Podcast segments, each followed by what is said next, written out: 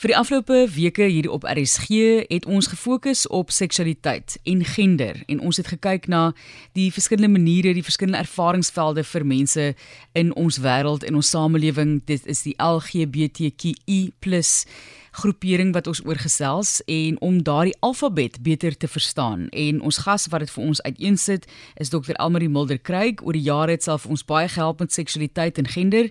Sy is 'n internasionaal gesertifiseerde seksioloog sodat ons almal mekaar en onsself beter kan verstaan in hierdie baie belangrike deel van ons menswees. En onthou die gesprekke kan by tye nie gepas wees vir kinders nie. So sit asseblief die radio af indien kinders in jou omgewing is op hierdie stadium en ons probeer mense verstaan en met empatie behandel en ook onsself met empatie behandel. Baie dankie weer eens dokter.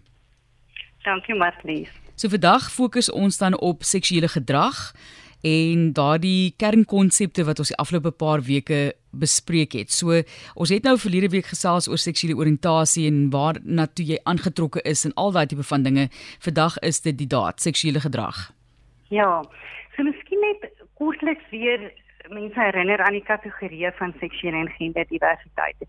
So ek sê ons begin ons het begin oor gesels oor biologiese seks, ons praat oor genderidentiteit, seksuele oriëntasie en dan nou die amper die vierde kategorie seksuele gedrag of seksuele spel en die betekenis daarvan.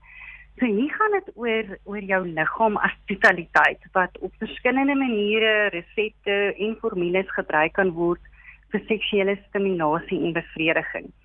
So wat is jou fantasie? Wat stimuleer jou met ander woorde? Die meeste mense ervaar hulle self hier op 'n kontinuum wat vloeibaar is. Ons seksuele bloudruk kan groei en kan ontwikkel en jy moet ons self eintlik ook die vraag vra wat is wat is my en of die definisie van seks? Is dit net penis en vagina penetrasie of is dit die hele spektrum van menslike seksuele opwekking wat tot seksuele bevrediging lei? Die seksuele behoeftes fantasie en gedrag is nie altyd of noodwendig in lyn met jou seksuele oriëntasie of identiteit en onthou mense het uh, seks vir verskillende redes hier is ehm um, die term MSM of eh uh, PSV of in Engels MSM of WSW ehm um, belangrik. So dit beteken mans wat seks het met mans MSM of vrouens wat seks het met vrouens. Sulke persone kan vir iemand of kan vir, vir 'n verskeidenheid van redes van tyd tot tyd met iemand van dieselfde geslag seks hê en nie belangrik nie omdat hulle omdat dit hulle seksuele oriëntasie weerspieël nie. Hulle sien hulle self dis nie as gay of lesbies of biseksueel nie en, en identifiseer as heteroseksueel. Dit kan wees oor godsdienstige, kulturele, persoonlike redes of oor die omstandighede. So mense voorkeure van seksuele gedrag of wat jou aanskakel of stimuleer is eintlik baie soos jou voorkeure in terme van kos. Party hou van olywe, ander haat dit, party eet rooi vleis, ander is vegetaries dis nie noodwendig reg of verkeerd nie. Voorbeelde van seksuele gedrag en spel is onder meer gesamentlike masturbasie, orale seks, BDSM wat eh, bondage, discipline, sadisme, masochisme impliseer wat ook op 'n kontinuum lê. Ehm um, dalk hou ek daarvan om nie in beheer te wees tydens seks nie of jy is in beheer te wees, dalk hou ek daarvan om vasgebind of geblind te word, dalk hou ek van pyn ervaar. Dit dit hang alles af van jou spesifieke seksuele bloudruk. Ehm uh, verder is jy jy weet iets wat hier ter sprake kom met swing of om seks maats uit te rou of saam as 'n paartjie met ander seks hê en ehm um, anale stimulasie of anale seks is ander voorbeelde van seksuele spanning stimulasie. Dis dis interessant en ek wil net noem en veel sê en dink ek dat navorsing wys vir ons dat meer heteroseksuele mense anale seks en anale stimulasie beoefen as homoseksuele mense. So ons moet wegbeweeg van daai mite dat dit impliseer jy's homoseksueel of dat alle homoseksuele mense anale seks beoefen. Ek dink dit kan ons dalk van hierdie taboe en shaming rondom dit laat wegbeweeg. En jy weet ons het nou baie gesels oor seksuele en genderdiversiteit uh, die afgelope weke Martelies en Ehm um, ek het gedink jy weet daar's 'n mooi metafoor as samevatting om te gebruik om te sê dat diversiteit van seksualiteit ehm um, eintlik so divers soos water is. Water is water. Die materiaal is neutraal geskep, maar die vermoë om verskillende vorme aan te vorme aan te neem. Nee, ons weet water kan vloeistof wees, ys wees, uh, dit kan verdamp. So ongeag wat jou seksuele oriëntasie is, jy het altyd 'n oriëntasie. Oriëntasie is neutraal. Daar behoort geen waardeoordeel oor enige oriëntasie te wees nie. Um met ander woorde, al die forme is aanvaarbaar, soos water die vorm van ys of kookwater of mis kan aanneem so kan mense seksuele oriëntasie verskillende forme aanneem. Ehm um, en daartoe verwys na heteroseksueel, homoseksueel, biseksueel of aseksueel. So dis nie 'n keuse nie, dis 'n wete, 'n vaste bewustheid wat meeste van my kliënte sal sê hulle hulle hele lewe lank al van bewus is en wat hulle lewe lank al daar was. So byvoorbeeld as jy heteroseksuele as jy heteroseksuele man is, het jy het jy eendag wakker geword en besluit jy is heteroseksueel of was dit net 'n bewustheid te weet jy weet? En ek dink dit geld vir alle oriëntasies. So ook kan ons sê ehm um, dieselfde water kan oor 'n leeftyd verander. Van kookwater na afkoel na koue water gevries word. Dit maar dit bly in die kern water. So water kan nie self besluit om te vries of te kook nie. Dis iets wat gebeur en die materiaal reageer met bewustheid van dit wat gebeur seksuele gedrag is dan hoe jy jouself uitleef seksueel. Dit kan kongent of inkongent wees met jou seksuele oriëntasie. So as jy dit spreekwoordelik eis is en jy probeer verbind aan kookwater, kan dit eintlik 'n vernietigende effek hê op een of albei. Wanneer mens dit toegelaat word en ondersteun word om kongent in in terme van jou seksuele oriëntasie en identiteit te leef, kan 'n mens op die mees natuurlike manier vloei, groei, kan plaasvind En en uiteindelik gaan dit oor 'n uh, eh, mens wat emosioneel gesond is en optimaal funksioneer. Maar wanneer 'n mens gedwing word om inkongent te leef of verwerk voel of veroordeel voel, met ander woorde, moet gaan teen wat vir jou reg en gemaklik voel, kry 'n mens dan hierdie hierdie iets soos byvoorbeeld die kookwater wat die ys smelt. Dit dit kan baie negatiewe gevolge ehm um, tot gevolg hê. En ons het ook gesê, dit navorsing wys vir ons dat uh, selfdoodrisiko hier baie hoër is as andersins. So vrybaarheid beteken dus dat ons seksuele oriëntasie soos water is. Dit is altyd water, ons kies dit nie, dit ons word bewus daarvan, dit kan van vorm verander, dit kan groei.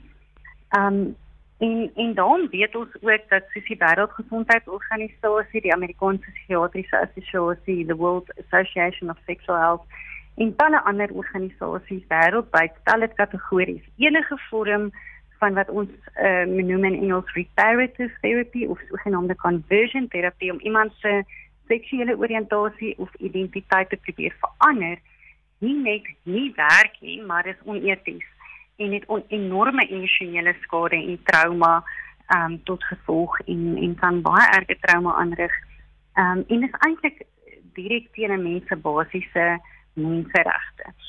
So interessant dit wetenskaplikes nogal 'n paar jaar gelede ontdek dat daar 'n vierde vorm van water is. Water kan 'n vierde vorm aanneem en dit is vloeibare kristal funksioneer. Dit is sogenaamde liquid crystal wat impliseer dis anders as die ander forme van water wat meer bekend is as ons. En ook dat iets is interessant dat iets wat so bekend is soos water aan ons steeds geheime kan inhou en en vir ons nuwe inligting inhou en net ek dink dit is interessant om te sê dat daar miskien hierdie ander deel is ehm um, van seksualiteit wat ehm um, nog onbekend is nee moet ons moet ons self oophou vir dit. So net soos water kan seksualiteit verskillende forme aanneem. Ons oefen sekere keuses uit in ons uitlewing daarvan maar ander mense is nie ewe vloeibaar nie. En sommige mense sal sê ek weet ek is kookwater ek sal altyd kookwater wees en en dit is wat vir hulle natuurlik en gemaklik voel. En anders voel weer gemaklik om meer as een vorm aan te neem. Of dalk ehm um, iets wat nie al so algemene vorm is nee soos hierdie liquid crystal. So ons hou ons het nou al 'n paar oor 'n paar programme gesels met verlies oor seksuele en genderdiversiteit. Ehm um, en en hierdie metafoor gebruik hopelik om dit 'n bietjie saam te vat En die doel daarvan van hierdie gesprekke was om meer sensitiwiteit en begrip te kweek. So miskien as slotsom, ehm um, in 'n samevatting, kom ons herinner onsself net aan 'n paar van hierdie kernkonsepte. Die een is eerste een is die belewenis van gender en van seksuele oriëntasie of van iemand wat uh, bevraagtekenend is is vir niemand dieselfde nie. So ons ons kan nie dink dat ons kan aannames maak oor iemand anders nie. Mense leef nie noodwendig hulle seksuele oriëntasie in hulle gedrag of of seksueel uit nie. En genderuitdrukking het niks te doen met jou seksuele oriëntasie. Met ander woorde of jy heteroseksueel, homoseksueel of biseksueel identifiseer nie.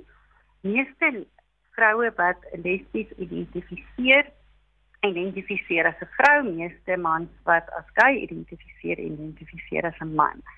'n mens se genderidentiteit en uitdrukking daarvan hou nie verband met wie jy lief kry en tot wie jy aangetrokke voel nie. Met ander woorde, jou seksuele oriëntasie nie of met wie jy kies om om seks te hê, nie wat nou weer jou seksuele gedrag impliseer nie. Om transseksueel te wees het niks met jou seksuele oriëntasie te doen. Jy kan 'n transvrou wees of 'n transman wees en jy kan heteroseksueel, homoseksueel of 'n biseksuele oriëntasie hê om 'n transvestiet te wees, het niks te doen met jou seksuele oriëntasie nie. Weerens, so 'n persoon kan heteroseksueel, homoseksueel of biseksueel wees.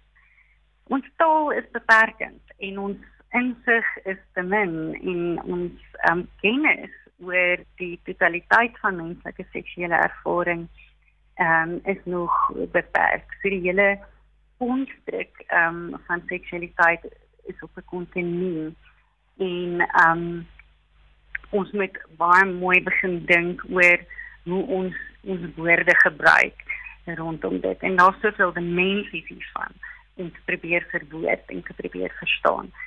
So kom ons fokus op mekaar se menswees op op mekaar se siele en ons poog om met deernis en respek op te tree teenoor ander wat se seksualiteit en gender dalk anders as as ons eie is of ons eie belewenis en uitleef daarvan is.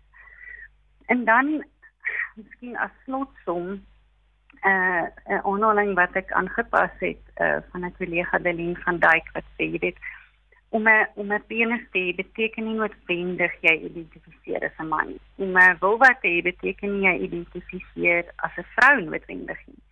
Om borste te hê beteken nie jy is noodwendig 'n man nie. 'n man wat seks het met 'n man of 'n vrou wat seks het met 'n vrou identifiseer nie noodwendig as homoseksueel nie. Om 'n ander seksuele oriëntasie of identiteit as heteroseksueel en monogam te maak jou nie abnormaal nie. Die pragtige metafoor wat jy daar gebruik het dokter, dankie daarvoor. Ons waardeer dit en waardeer ook die empatie wat jy ten toon gestel het met hierdie onderwerp en dit vir ons saamgestel het Dr. Amri Mulder Craig is 'n internasionaal gesertifiseerde seksioloog en daardie gesprekke is op ons webblad op potgooi. Indien jy die eerste 3 episode misgeloop het dit is op rsg.co.za baie dankie weer eens dokter vir die insig en dat ons almal mekaar nou 'n bietjie beter verstaan. Plesier Marlies is altyd lekker om te gesels